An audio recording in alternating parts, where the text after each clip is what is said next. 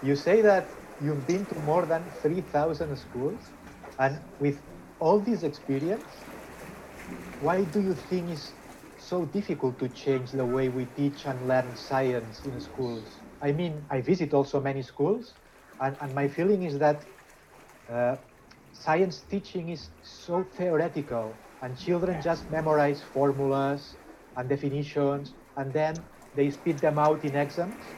So, how can we change that? I think this is a the, the COVID has provided the world a great opportunity to rethink education. Uh-huh. You know, many children go to school without learning anything. In India, children spend 14 years in school learning very little worthwhile. And today there are great resources available on the net which are absolutely free. All you just need is a smart mobile phone and you have access to some of the great things in the world. In the world. The world.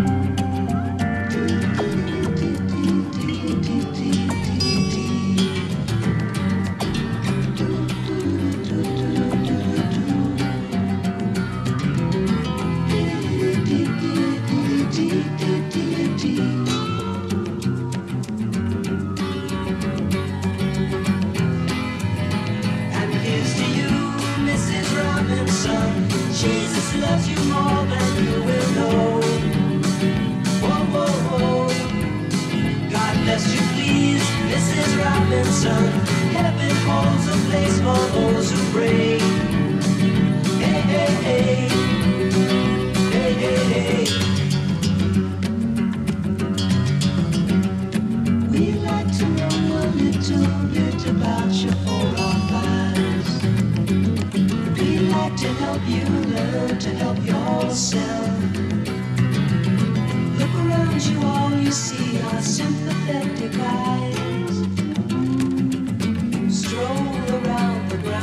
Until you feel at home. And here's to you, Mrs. Robinson. Jesus loves you more than you will know.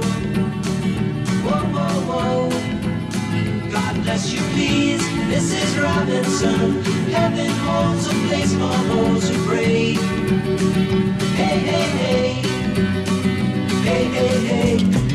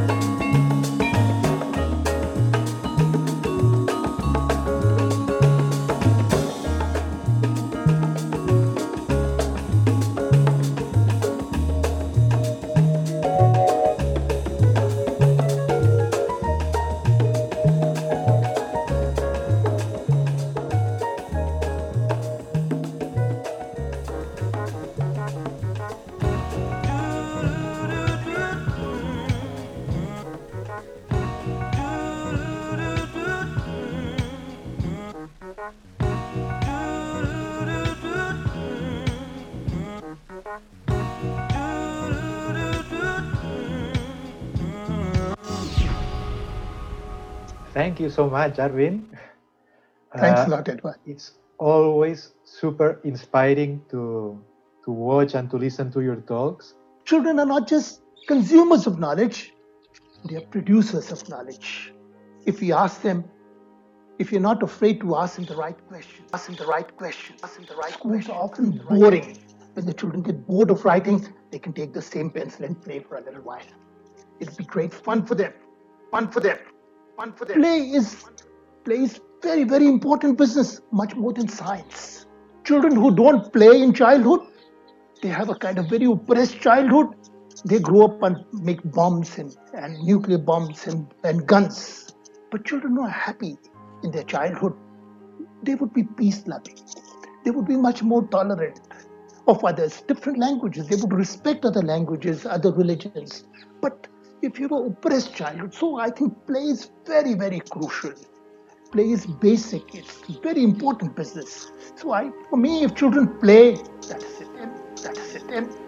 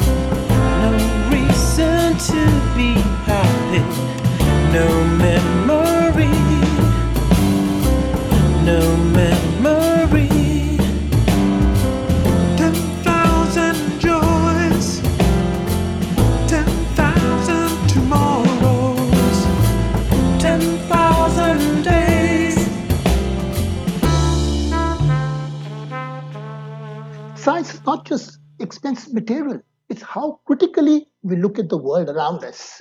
Vibrations produce sound. So these are two, you can see these are two, uh, these are uh, two holes for the flute. And once again, I close them with my fingers. You can play a few notes. I'm not very musical, but I think the more gifted one. super fun. Yes, yes.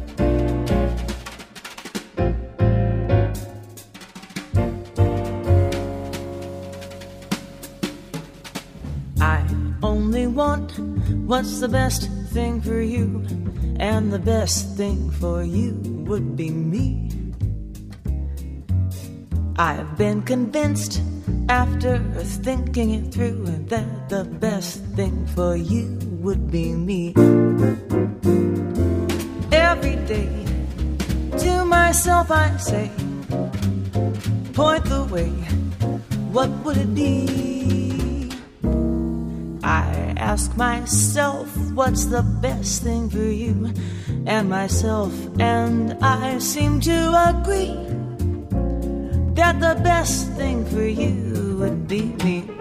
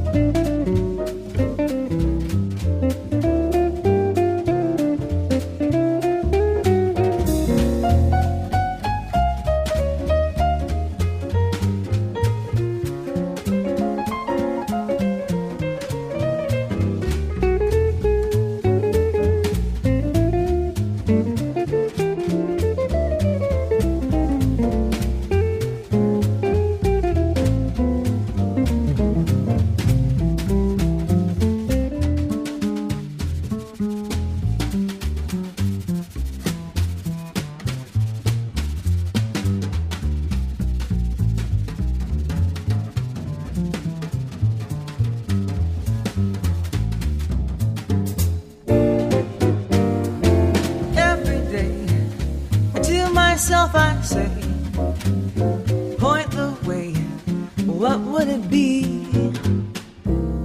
I ask myself, what's the best thing for you and myself, and I seem to agree that the best thing for you would be me.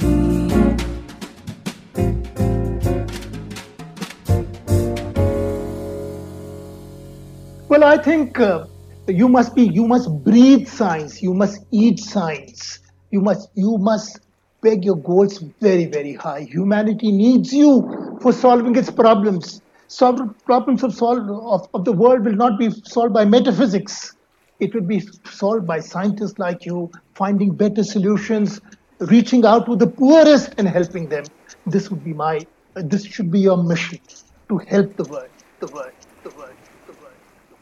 Thank you very much for listening to me carefully, me carefully, me carefully.